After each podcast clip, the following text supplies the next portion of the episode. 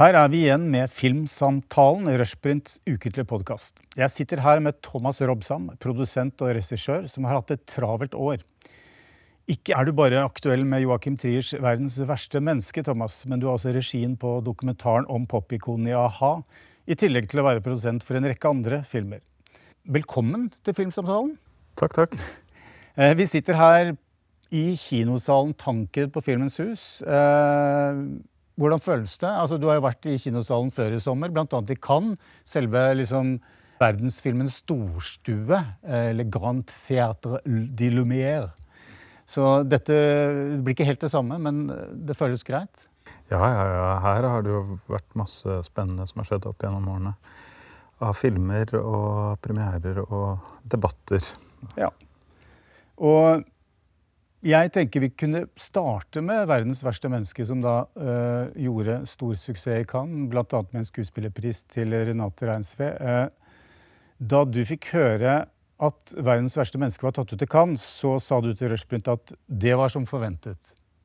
Uh, men denne gangen ønsket dere også en pris, husker jeg at du sa. Og det fikk dere jo. Så, så det gikk etter planen, kan man si. Ja. Nei, altså man kan jo aldri vite sikkert. Men jeg føler jo at for det første så, så er Joakim i verdensklasse som regissør. Han har også en veldig jevn produksjon. Så man frykter aldri at han skal komme med noe som er dårlig. Og manuset var også så bra at både jeg og koprodusenten i Frankrike følte at denne filmen absolutt hadde det i seg å komme til Cannes etter at Thelma jo da ikke var der. Og, og også da eh, Ja. Hvis den lykkes Det er, jo alltid, det, er jo, det er jo alltid snakk om at du må få det gode manuset til å bli en god film, og det skjer jo absolutt ikke alltid med noen. Eh, så, men liksom potensialet var der. Og når filmen var ferdig, så følte jeg meg enda sikrere både på å komme med og, og, at den kunne ha mulighet til å være blant de som diskuteres eh, til pris. Og husk, de diskuterer jo liksom halvparten av filmene eh, til pris, og de gir bare én pris til hver film. Sånn at eh, det å komme med i diskusjonen om pris, det skal ikke så mye til. Det er sånn 50-50-sjanse. Altså da, da, er det jo gøy å, å si det i pressen at, at, vi har en god sjanse for pris. Det er jo rett og slett fordi det matematisk er en god sjanse, men mm. også fordi at man ser på filmer følge med og, og, og føle litt når nivået er inne. Det blir litt sånn som med sport òg, at du liksom ser at han Ingebrigtsen eh, har det i seg. Altså, det blir ikke så sjokkerende at han vinner. Men, men, hadde han ikke vunnet, så hadde man fortsatt følt det var en stor prestasjon. Om vi holder oss i sportsverdenen altså, Jeg skal ikke spørre om det, hvordan det føltes når du gikk opp den røde løperen i Cannes, men det var jo et slags historiens sus over det hele. Det var eh, to norske filmer med det offisielle programmet. Eh, kan du si litt om allikevel hvordan du opplevde det? Fordi det er jo ikke enhver produsent forunt. Nei, det var eh, Det var litt ekstra gøy å være der for andre gang. Fordi på Louder Bombs så var det var første gangen vi var nervøse. Vi hadde amerikanske stjerner, vi hadde franske stjerner, eller i hvert fall én, da, i Juliette uh, Binoche, holdt jeg på å si, i Isabel Huppert. Med Louder den bams', ja. Ikke sant. Og, og da, da, var det sånn at jeg nesten ikke huska det dagen etter. fordi at det var så mye å forholde seg til. Mens denne gangen så var vi jo, om ikke rutinerte, så i hvert fall uh, hadde vært der en gang før. Og når vi står der sammen med de franske kollegaene, så er jo de der hvert år. Så, så nei, det, det, fikk tatt det inn litt mer denne gangen. Og altså Norsk film har et nivå nå hvor ikke det er utenkelig at man kan ha flere filmer i Cannes flere år på rad, for den saks skyld. I motsetning til f.eks. på 90-tallet, hvor det var en, en, sensasjon. Da. Nå har det jo gått litt år mellom Lauder og, og denne gangen, men, men, eh, det blir absolutt ikke siste gangen en norsk film kommer til, eh, til Cannes. Så det føltes jo som, som dette kan man få til igjen, da. Kanskje, kanskje det var litt følelsen. mm. Altså som et slags malapropos, du ble jo selv unnfanget i Cannes. Visstnok leste jeg på Facebook, på din Facebook-side under festivalen Der dine foreldre møttes i 1963. Nei, Eller- jeg ble ikke akkurat unnfanget da. eh, Men de, de møtte hverandre i 61, altså to år tidligere. Så tok det litt lengre tid før jeg ble unnfanget, og det skjedde i Italia. Så ble jeg født i Norge. Men de møttes der og hadde hver sin film i hovedkonkurransen, faktisk. Ja. Line da, for min mors del, og en fransk-italiensk koproduksjon som jeg ikke husker tittelen på nå, hvor, hvor faren min ikke hadde hovedrollen den gangen, men han hadde jo stort sett hovedrollen i, i det meste ellers. Det ble mange filmer på han, og han vant jo også pris for beste skuespiller etter hvert. Så sånn sett så er jo jeg den første i familien også, da, som, Ja. som er tilbake og får pris i Cannes. Ja, nettopp. Altså For utenforstående så framstår Cannes-festivalen som noe, altså en slags kulturell mafia, noe hemmelig, liksom. Altså en, en, en klubb som har utrolig sterk definisjonsmakt. Altså, Hva slags inntrykk sitter du igjen med etter å ha møtt noen av disse eh, mystiske personene i dette systemet, da? De Nei, altså- bare, det er jo bare ett ansikt utad, og det er jo Thierry Framont, ikke sant? eh, Programsjefen. Men, men det er jo, det er jo en, en gjeng. Ja, altså jeg må innrømme at jeg har ikke møtt så veldig mye av den gjengen. Eh, verken første eller andre gangen. Eh, nå når det ble pris, så kom han liksom litt eh, lenger inn. Og fikk hilst så vidt også på, på som liksom er eh, høyrehånden til eh, Fremont. Eh, som jeg jo har mailet mye med. Det var første gang jeg fikk hilst på han. Eh, men du kan si at den Kan-familien er jo på en måte litt sånn større. Det er en god del regissører som kommer til Cannes mange ganger. Og ikke minst eh, er jo salgsselskapene representert veldig ofte med mange filmer. Så de største franske og britiske og tyske salgsselskapene, og noen flere, eh, er jo representert veldig ofte. Og de er jo veldig nøye på hvilke filmer de tar. De ser jo veldig etter kan-potensial i filmer de plukker. Men så er det også en litt sånn myte da, at, at liksom man har klippekort hvis man kommer til Cannes. Fordi det, den familien er altfor stor til at noen kommer hvert år. Det er altfor mange regissører som har vært i Cannes til at, eh, til at man kan komme hvert år. Så f.eks. Thomas Winterberg har jo vært refusert hauger av ganger. Vært med tre ganger, men vært refusert flere ganger enn han har vært med. Eh, Så, så klippekort er det ikke, men det, det er helt klart at når du har vært med én gang, så, så blir du sett av de som sitter høyest i det hierarkiet. Fordi det er klart når de får eh, over 2000 filmer, så vil jo ikke alle kunne se alt. Og da vil det jo være sånn at de filmene som kommer fra de ledende salgsselskapene, fra produksjonsselskaper, og ikke minst aller mest fra regissører man kjenner til, så vil de selvfølgelig eh, bli sett eh, øverst i systemet. Og det som kan skje da blant de filmene, f.eks. blant debutanter eller andre som, som prøver lykken, da, så, så kan det jo skje at, at man går glipp av noe stort, fordi at noen av de lenger ned i systemet ikke helt ser eh, potensialet. Det er mulig det var noe sånt som skjedde med reprise, f.eks. Jeg skulle til å, å spørre om det, men det, det, det er tydeligvis ingen som vet, egentlig. Eh, men, men det er jo den ærbødigheten de behandler filmskaperne med. altså I Cannes så er jo på en måte regissørene eller autørene er noen slags små guder. Og det er jo veldig ganske fremmed for det vi er vant til her oppe. Eh, på sett og vis. Altså eh, hva, hva, hva tenker du om det? Er det Nei, altså jeg har alltid, helt siden jeg begynte å produsere og regissere selv, for den saks skyld, tenkt at vi i Norge måtte få til noe av det som, som eh, forlagsbransjen fikk til på 90-tallet. At, at eh, forfattere ble kjendiser, eh, selv uten at folk flest har lest bøkene deres. At, at det var en sånn respekt da, for forfattere og forfatterskap som jeg mener vi, vi fortsatt ikke har i tilstrekkelig grad innenfor film. Men, men det er jo helt tydelig også i Norge at, at en del reginavn er avgjørende for at folk går og ser filmene.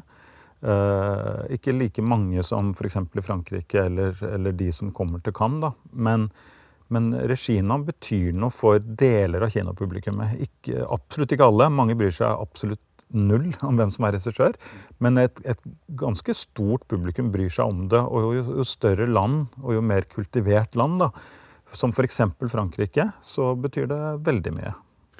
Altså, 'Verdens verste menneske' har jo hatt en strabasiøs produksjonshistorie eh, som veldig mange andre eh, siste halvannet året. Altså, den ble Den ble utsatt, den ble stengt eh, pga. pandemien. Altså, var du på noe tidspunkt usikker på om filmen i det hele tatt skulle bli noe? Det virket som på et tidspunkt så var det litt kritisk? Ja, det var utvilsomt uh, kritisk. Der må jeg jo rose NFI for å ha satt i gang en uh, nødordning uh, kjapt. Og også at det der, i motsetning til hvordan det veldig ofte er ellers, hvor det blir flisespikkeri på budsjetter og man går inn og liksom, så var det på en måte en, en, ja, en ganske enkel prosess å få det tilskuddet som filmen trengte for å komme seg på beina igjen. Men det er klart, altså jeg ble jo, ble jo litt religiøs en periode der. Trengte hjelp fra høyere krefter for å komme gjennom det. Fordi, og sånn er, sånn er, det for så vidt på alle filmproduksjoner. Da, fordi at, at, det er så mye som kan gå galt. Og det er et puslespill av en annen verden. Eh, når det gjelder finansiering, når det gjelder å finne folk til å være med, når det gjelder å få eh, ting til å fungere på den dagen det må fungere, for du kan ikke ta det om igjen dagen etter, osv. Så, videre, og så, videre. så det er jo et høyt på en måte risikospill alltid. Så sånn sett så kan du si at vi kanskje er litt sånn vant til det. Vi, vi jobber i unntakstilstand alltid, egentlig, i filmbransjen. Så kanskje, kanskje det er grunnen til at vi, vi, vi takler det eh, relativt greit. Er, ja, fordi En undersøkelse som BI gjennomførte, var jo ganske overraskende for noen. I hvert fall eh, i den forstand at den viste at bransjen hadde, hadde taklet det eh, godt Eh, men, men, det er vel som du sier, da, at man er vant Altså Å lage film er en, en, en eneste krisetilstand, på sett og vis.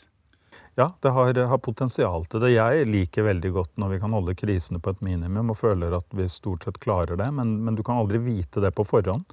Du, du, men du kan planlegge deg frem til å forsøke at mest mulig av det skjer på et tidlig stadium, f.eks. her på 'Verdens verste menneske', så ble jo innspillingen etter hvert uh, veldig fin. Uh, alle var veldig fornøyd. Uh, det gikk på skinner, liksom. Men det er, det er en Det krever veldig god planlegging for å få det til.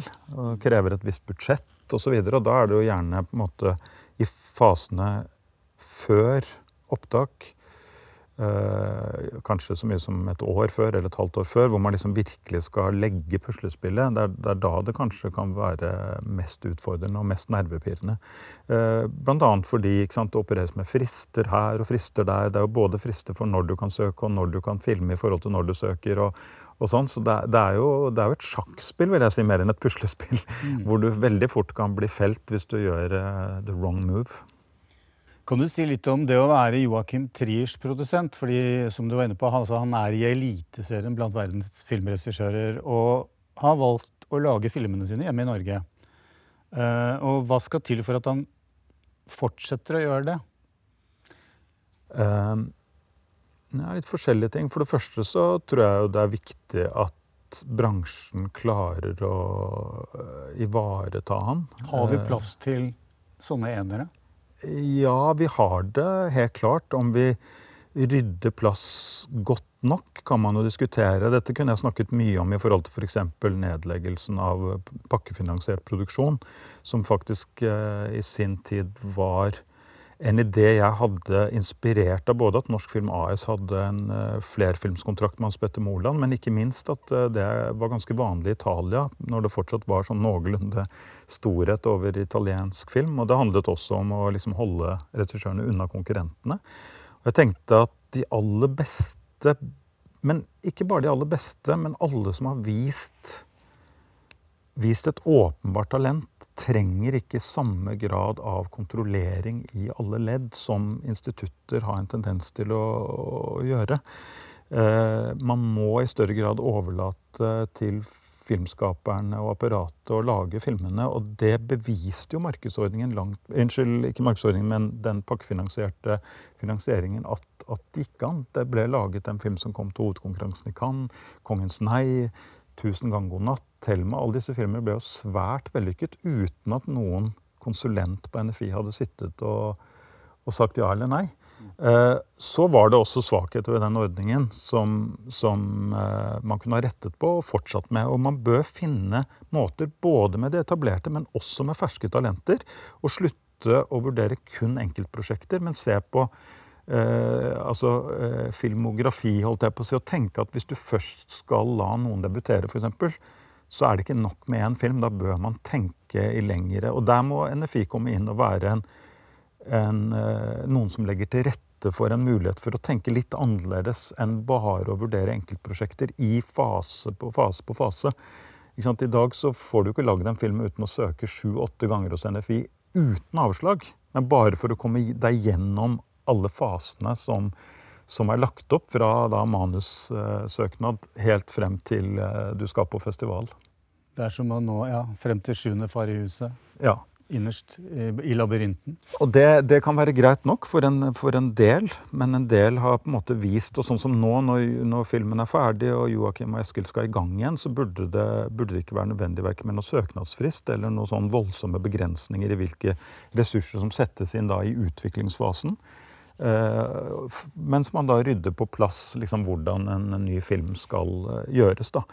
Men et annet svar på det ja, så liksom Det var svaret som handler om hvordan en norsk film kan klare å beholde han ved å legge til rette for han og mange andre. Det andre svaret er jo selvfølgelig eh, hva som skal til for at han drar holdt på å si, uavhengig av hvor godt det ligger til dette her i Norge. Og det tror jeg handler om muligheten for å lage noe hvor han beholder faren Cut. Mm.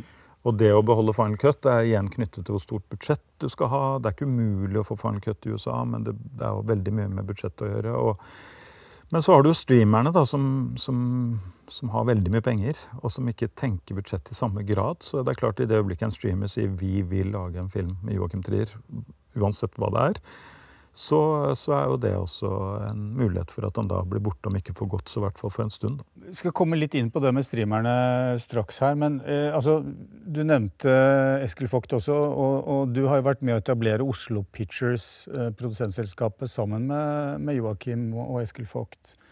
Eh, og flere, flere andre. Eh, men kan du si litt om filosofien bak den etableringen? Fordi det er jo ikke bare for å gi, gi Trier og Vogt større plass. Eh, det er jo andre unge talenter i den stallen der også. Eh, hva er målet for selskapet? Altså, altså det kommer litt an på hvem i selskapet du spør, eh, tror jeg det er. Men, men målet er jo definitivt å produsere de beste filmene man kan få til til enhver tid. ja. eh, og, og, og, plukke de beste folkene til å lage de beste filmene. Men det er klart man kan ikke lykkes hver eneste gang. Og noen ganger så vil man prøve ut eh, ferske talenter uten at man kan ha noe som helst garanti. Noe man for øvrig heller ikke har med etablerte talenter. Eh, på, på, hva resultatet blir. Da. Men, og så nå har vi jo nettopp før sommerferien gjorde vi jo 'Eksplosjoner i hjertet' eh, av Jenny Lie. Og nå er det opptak på Kristoffer Borglis andre spillefilm. Og neste år er det to, to debutanter til som står for tur, eh, som liksom er bekreftet. Eh, og så vil jeg vel tippe at 2023 er tid for, for nye filmer av Joakim Eskil. Så er spørsmålet hvem av de som skal lage film først, og hvem som skal skrive når og sånn. Det, det, får de finne ut av. men eh, men jeg, jeg, tror jo alle selskaper har jo en visjon om å lage det beste innenfor den smaken de som er i et selskap, har. Så det er ikke noe hokus pokus der. Samtidig så er det helt sikkert forskjellige meninger. Og så har vi jo en dokumentaravdeling med Tommy Gulliksen også som er veldig produktiv. Så det er jo, det er jo men, men, det er primært spillefilm dere har vært opptatt av. Eh, du nevnte det med strømmetjenestene, som også har voksen appetitt på spillefilmer. Men, men, selvfølgelig dramaserier er jo det de er mest opptatt av.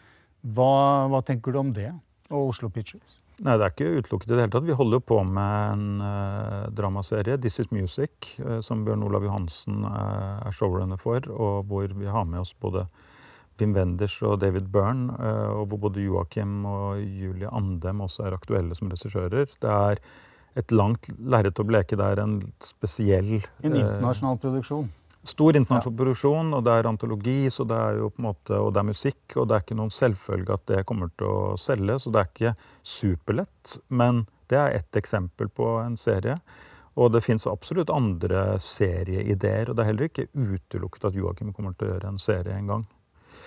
Eh, så, så det, drives jo også litt frem av hva man prioriterer til enhver tid, og hva man har kapasitet til. Så vi får se. Jo, hadde, hadde, vi, hadde, vi, hatt et selskap hvor vi bestemte alt selv, så hadde det vært veldig lett å bare sette seg ned og si vi skal gjøre dette og dette og dette. Men man er jo til enhver tid avhengig av ikke bare instituttet, men en haug med andre finansiører. På, på verdens verste menneske var det 29. Jeg hadde håpet det skulle bli litt færre enn Thelma, men det ble motsatt. Blant, pga. pandemien. Da.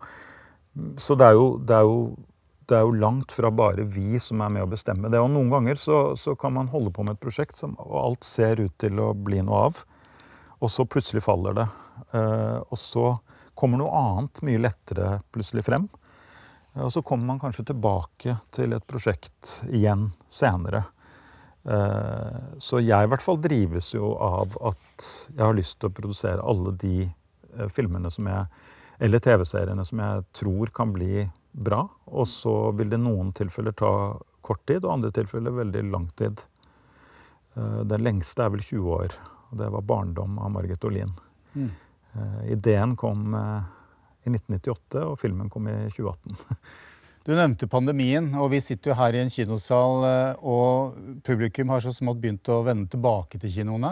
Eh, det er et nytt virus på gang. Vi får håpe det er noenlunde moderat, eh, sånn at kino, kinoene fortsatt har på en måte levelige kår. Men, men hva, hva, altså, spillefilmen er jo veldig utsatt i, i forhold til at den har bundet seg veldig opp mot kinomodellen. Eh, hva tror du skjer videre? Nå holder jo NFI på å eh, Hva skal vi si De har vurdert tilskuddssystemet og kommer med noen nye føringer.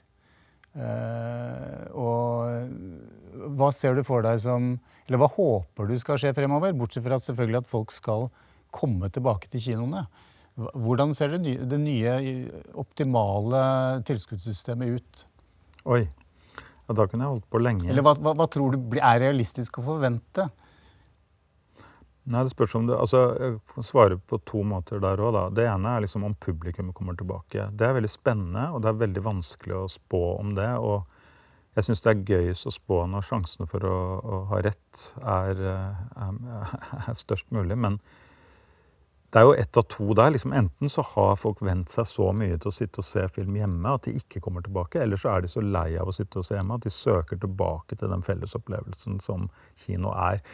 Og jeg har aldri ment at det er verken lyd eller lerret som er det avgjørende for hvorfor du går på kino, men det er fellesopplevelsen. Eh, på samme måte som, som du går på restaurant for å sitte der med totalt ukjente og spise mat du kunne ha fått med deg hjem så, så er det den eh, å spise ute-opplevelsen. Det samme tenker jeg om kino. Det er å være sammen med andre og sitte og le i en fullsatt kinosal.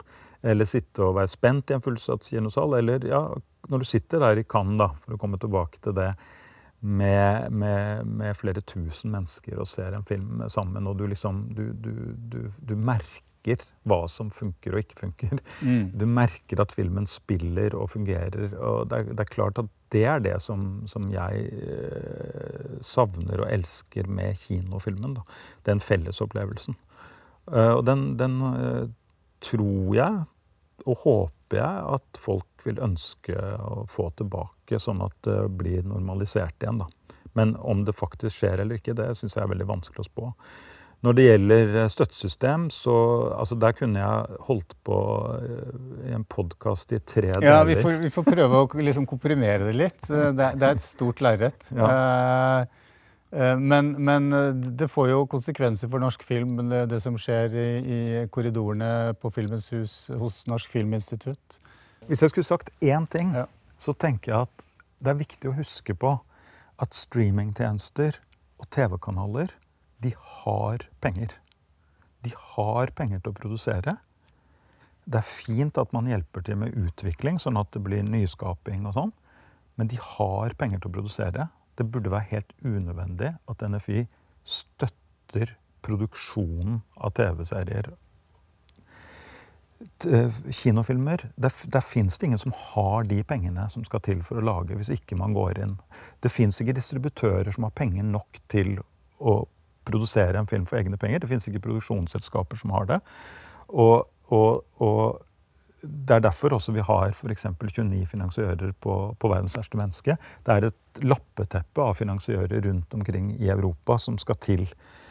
Eh, hvis man nå tenker at fordi folk ser mer levende bilder hjemme enn på kino, så burde man legge mer penger der, så, så er det en merkelig måte å tenke på når det faktisk fins penger.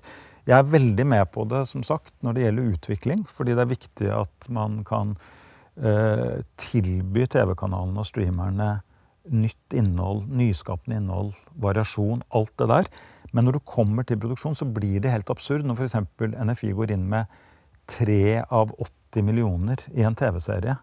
Eh, bare fordi at NRK skal kunne bruke tre millioner til noe annet. Eh, altså, så jeg ville fokusert på utvikling og ikke på produksjon. Uh, i større grad. Men du syns vel det virker fristende altså Du nevner alle disse koprodusentene man har med på disse produksjonene, sånn som Joakim Triers film, og så plutselig forholder man seg til en strømmetjeneste som bare sier greit, her har du pengene, lag filmen. Ja, ja. Sparer deg for masse arbeid.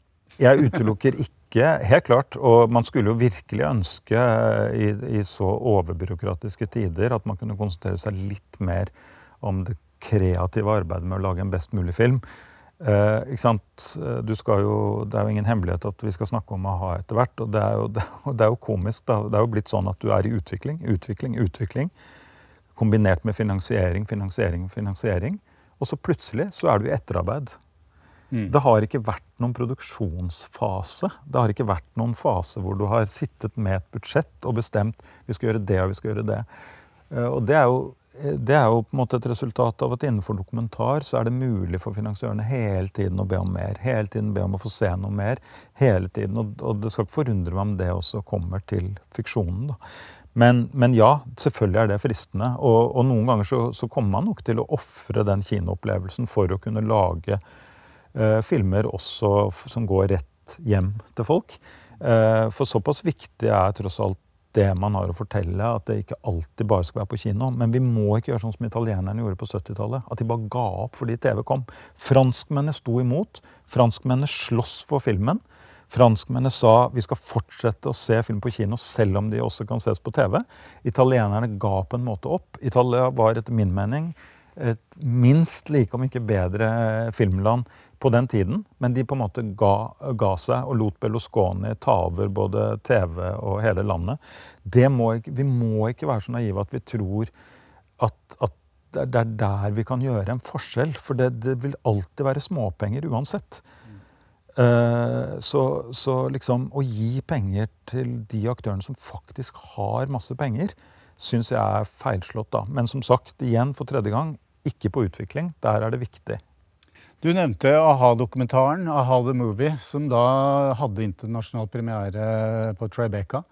Det var vel en del, også en fysisk festival på Tribeca, så den fikk et ordentlig møte med publikum. Men var du der? Nei. Jeg hadde ikke lov til å dra dit, eh, dessverre. De var fortsatt veldig strenge på innreisemuligheten der. Men den ble vist på utendørsvisning. Eh, jeg tror alle visningene var utendørs. Eh, fordi og... Apropos kollektiv opplevelse. A-ha er jo på en måte en, en, global brand. altså Den har mange fans. Så jeg går ut fra at det var et takknemlig publikum å vise filmen for. Det vil jeg tro. Og den fikk jo også publikumsprisen. Ja. Og det er sikkert litt lettere når du har mye fans. På den annen side så har de ikke så mye fans i USA, så vi satser på at det var litt for filmens del ja. Men, men, men altså, dette er jo ikke første gang du har laget en, en dokumentar om en, en, fase av musikkhistorien. Altså, du lagde også en dokumentar om punken. Mm. Punks. Mm. Den norske punkens historie. Eh, så, så, musikk har jo vært en lidenskap for deg. Eh, det vet jeg jo. Men noen ganger har jeg kanskje opplevd det som, som kanskje en enda større lidenskap enn filmen. Eh, men, jeg, men, altså Kan du si litt altså Det må jo være det som, som drar deg mot disse dokumentarene som tar utgangspunkt i, i musikkens ulike historiske faser? da? Ja, jeg, jeg, plutselig gikk det opp for meg på et tidspunkt at, at hvis jeg stranda på en øde øy og måtte velge om jeg fikk med meg fem album mm eller fem filmer, så hadde jeg valgt fem album. Jeg hadde ja. valgt musikk. Men det sier seg jo også sjøl at du hører jo på musikk på en måte mye oftere enn du ser en film. Eh, men jeg tror det valget hadde vært litt sånn tøffere for, for, for andre eh, som også liker musikk og film, liksom. Men jeg, jeg, er helt sikker på at jeg hadde valgt, uh, valgt musikken der. Så det var litt sånn ja, jeg, jeg, kunne, hvis tilfeldighetene ville det sånn, så kunne det hende jeg hadde endt opp i musikkbransjen istedenfor filmbransjen. Når, det var jo mange som ikke sant, ut av punken spilte inn noen band, ga ut noen ting, og så endte de opp i musikkbransjen. Mens jeg du, du, har jo hevdet at uh, tror jeg, Jeg tror du som har hevdet det, at uh, norsk filmbransje gikk glipp av mange talenter som forsvant til rocken. Det er.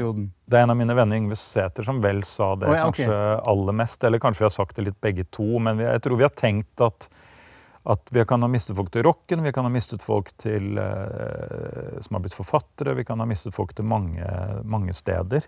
Eh, det, altså, første gang jeg møtte Julie Andem, eh, som, altså Skam-regissøren, så, så, spurte om hun var interessert i å lage film. Sa hun aldri i livet!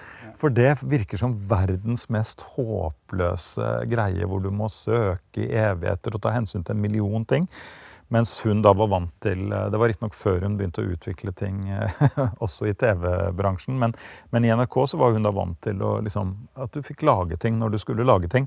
Og det er jo selvfølgelig mye mye lettere i, i, i kunstarter uh, som er rimeligere, da. Mm. Uh, men nå er det jo nå, nå, er det jo også mye billigere å lage film, så det er jo ingen grunn nå til at ikke liksom, i gåsehudene punkerne skal kunne lage film også. Det, det, var litt annerledes når du måtte skyte på film og, og sånt nå. Da. Så jeg tror jo vi skal kunne klare å få en generasjon tilbake igjen nå, da, tenker jeg. Ja, altså Rekrutteringen har jo vært ganske, en helt annen de siste ti årene enn, enn det var den, altså på, på 80-90-tallet. Det er helt klart. Du, du, har samarbeidet med Aslaug Holm. Eh, altså Dere deler vel regien på, på den eh, dokumentaren, og så produserer du. Eh, kan du si litt om hvordan dere har utfylt hverandre? Altså, hun er jo fotograf. Mm. Ja, altså, jeg produserer sammen med Yngve Sæther. Og ja, altså, utgangspunktet er jo at dette var en idé jeg har hatt i årevis. Eh, faktisk. Det kommer litt an på hvor langt tilbake man går, men første gangen jeg begynte å tenke på å lage en film om et band som spiller inn en ny plate, det var jo eh, på en måte etter å ha sett Let It Be med The Beatles. Det var, eller jeg husket tilbake, da, for jeg var jo ti år da jeg så den. Uh, og, og, hadde ambisjoner og prøvde med noen band uh, allerede på 90-tallet. Men det klaffet liksom aldri helt. Så jeg lagde en turnéfilm med Clawfinger tidlig 90-tall, når de var store, i England. Uh, og så prøvde jeg noen ganger til, og så etter hvert så begynte det å bli en mulighet i forhold til, til a-ha. Men så viser det seg jo at de skulle oppløses i 2010. Så da var jo den ballen død. Men så kom de jo tilbake. Uh, og så begynte jo da opptakene i 2016, men det ble jo aldri noe innspilling av en ny plate. Altså Den filmen har jeg for så vidt fortsatt ikke lagd. Eh, men grunnen til at jeg etter hvert tok med Aslaug Holm, det var jo fordi at hun gjorde en helt formidabel jobb på Heftig begeistret. Og hvor det var et annet kjent band eller kor. ja. Ikke sant? Og, og jeg, jeg tenkte at noen ganger så kan det være veldig bra at det bare er to i rommet. At det er bare en samtale mellom to. Så hvis det da er fotografen som er alene med Morten eller Magne eller Pål, så vil det kunne oppstå ting som ikke like lett oppstår når det er en til. hvor du på en måte, ikke sant, Da er du der for kamera. Det er du jo på et eller annet vis for det. Men, men liksom det derre den nærheten som kan oppstå når det er bare to, da, var, var noe av det som jeg tenkte. Og så har jeg jobbet med Aslaug på Onkel Reidar, Margarets film, som jo var hennes eh, faktisk første film etter filmskolen. Og, så vi har kjent hverandre i alle år. Jeg var konsulent på Brødre. Og, og nei, det, det, det, var veldig naturlig at hun skulle være med. Og, og da også ha regiansvar under opptak og være med som en ressurs også i klippen. da. Eh, men det er ikke en sånn kan du si, en sånn 50-50, dette er en idé, vi gjør denne sammen hele veien. Det er, jo på en måte, det er jo på en måte mitt prosjekt, men hvor hun har vært en ekstremt viktig del av det. Både som fotograf og fordi, fordi det er jo eh, komplisert materie. Det er jo egoer, eh, sensitive typer. Og det, og det er sånn konfliktfylte relasjoner mellom bandmedlemmer. Og, og, det skal man jo trå varsomt inn i, særlig hvis man skal forsøke å hente noe ut. da. Ja. Eh, men jeg tenkte her at uh, ja, det er vel ikke så forskjellig fra det konfliktfylte, potensielt konfliktfylte forholdet mellom en regissør, manusforfatter og produsent, f.eks. Altså, dette er jo ikke noe nytt for folk som har jobbet i filmbransjen. Altså, selv om, selv om et, et pop, altså popidoler er jo på en måte mye mer framskutt i, i den populærkulturelle sfæren. Altså, manusforfatterne for er jo ikke akkurat kjent for å være de som blir stjerner og sånt nå. Eh, men, men hvordan, hvordan, er det man på en måte legger, legger opp en kabal som går opp til slutt, hvor, hvor, uh, hvor uh, man liksom tripper mellom disse potensielle fallgruvene. Da. Altså, det er noen likheter, men jo, den store store forskjellen er jo at i et band så har du på en måte født et barn som er avhengig av alle. og I hvert fall i noen sammenhenger. Det finnes selvfølgelig absolutt band som bytter ut besetninger, men da går det ofte nedover. Og hvis man beholder originalbesetningen, som a-ha unikt nok har gjort gjennom så lang tid, så er det jo noe med det at du er litt sånn tvunget til å være sammen, da, i litt større grad enn manusforfatter, regissør og produsent. Eh, og at det ansiktet utad eh, på en måte er en viktig del av det å være popstjerner. Så de opplever nok at de i litt større grad eh, er nødt til å forholde seg til hverandre. Fordi de har jo prøvd å være soloartister, prøvd å lage andre band. Og det er sikkert kjempefruktbart på veldig mange nivåer, men ikke så veldig økonomisk, da. Eh, ikke sant? Sånn at det er jo forskjellige grunner, eh, også i forhold til størrelse på publikum, og sånt, at de, at de holder sammen. Men når det gjelder det å liksom prøve å trenge litt lenger inn da, i hvorfor disse konfliktene er der, og hvorfor de har så vanskelig for å jobbe sammen når de har jo noe unikt som akkurat de tre fant sammen. da. Så der var det en slags blanding av at jeg, jeg gjorde selv intervjuene for dere som kan historien om a-ha på rams. Og, og, og, mye av det kom litt av seg selv i intervjuene.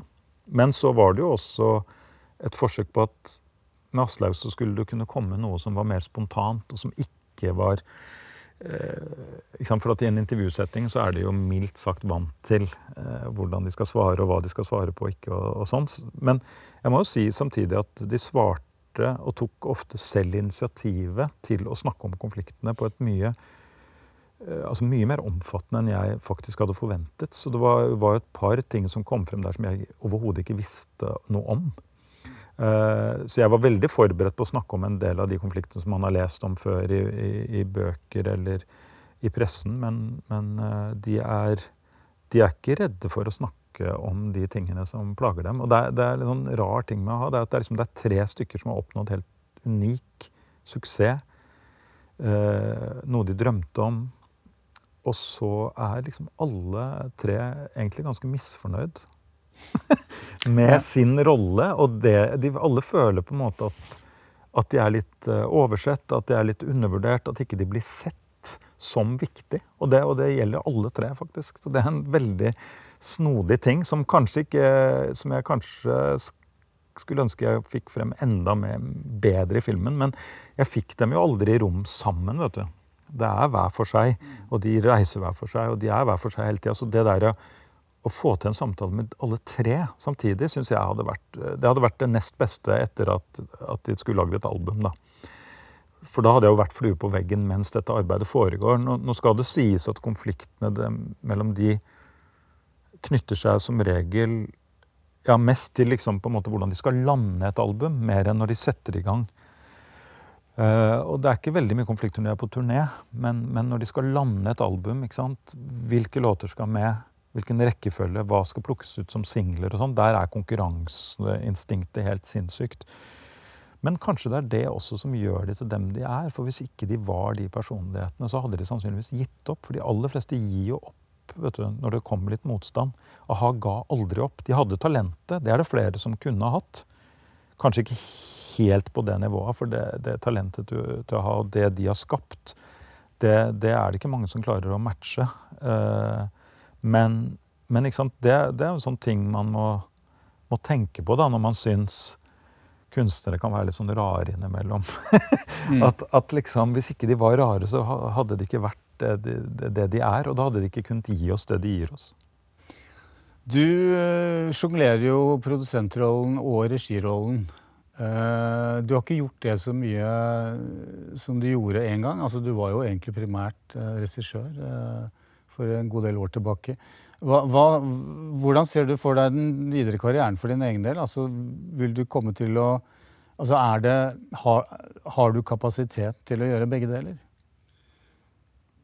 Det har du sikkert eh, spurt deg selv flere ganger. Ja, og så er det noen som har spurt meg om Ja. det. Nei, altså Jeg drives til enhver tid av på en måte, det jeg føler eh, kan bli noe som publikum kan ha glede av. Og, og av entusiasme for at det fins så mange historier der det fins så mange flinke folk. Og første gang jeg liksom tonet ned min egen regikarriere, hvis man skal kalle det det. Jeg produserte jo like mye som jeg regisserte helt fra start, i og med at jeg produserte mine egne ting. Men når jeg begynte å produsere for andre, så var det på en måte Jeg, jeg så på 90-tallet at han har et mer unikt talent, eller i hvert fall en mer unik innsikt og fortellermåte enn meg. Han har det, han har det, hun og hun har det. Så jeg kan like godt trekke meg litt tilbake og la de, de holde på. Og jeg, jeg tror jeg til og med en gang sa at, jeg, at jeg, nå, nå trekker jeg meg tilbake som regissør og oppfordrer andre til å gjøre det samme. Fordi jeg følt, føler jo også at, at, at det er en litt sånn Altså, alle som er med på å lage en film, er med på å gjøre den filmen det den blir. Og for meg så er det egentlig ikke så viktig om jeg er regissør eller produsent, eller om jeg har en medregissør, eller om øh, Det viktigste er det som kommer ut til slutt. Uh, og kan jeg bidra på en eller annen måte, om det er å være konsulent for, for dokumentarister, eller om det er å, å, være på en kjøring og oppfordre dem til å skifte tittel og klippe et par scener om, eller om det er å være produsent, eller om det er å være regissør. Jeg har en eller annen sånn naiv tro på at, at, norsk film kan bli bedre år for år hvis vi alle liksom drar lasset sammen og bidrar med det vi kan bidra med. da. Så da, da blir liksom ikke rollen så viktig. Eh, og så tenker jeg på regi, så må Hvis jeg tenker da at ja, men akkurat dette er jeg den rette til å gjøre, f.eks. Punks, eller Moderne slaveri, som var en serie jeg gjorde før der, eh, eller da ha da, da, da, tar jeg den rollen. Da tenker jeg at ja, men dette er jeg den beste til å gjøre. Eller dette er jeg den eneste som gidder å gjøre. Eh, da tar jeg den rollen, liksom. Eh, og hva jeg kommer til å gjøre fremover, det, det, det styres jo av en blanding av viljen man har selv, og hvilke muligheter som åpner seg opp i andre enden eh, i forhold til finansiering osv. For i motsetning da f.eks. musikk, som jeg kan lage akkurat når som helst, når jeg, når jeg får tid, riktignok, så er film styrt av en del andre mekanismer. Da. For på tross av at det nå fins mobilkameraer og du kan klippe på iMovie, så er det jo veldig fort på dokumentarer at du trenger rettigheter og du trenger skuespiller osv. Så, videre. så det er jo fortsatt hakket dyrere medium enn f.eks. å sette seg opp og male eller, eller, skrive en bok eller noe sånt. Så, så det styres jo ikke bare av egen vilje, da.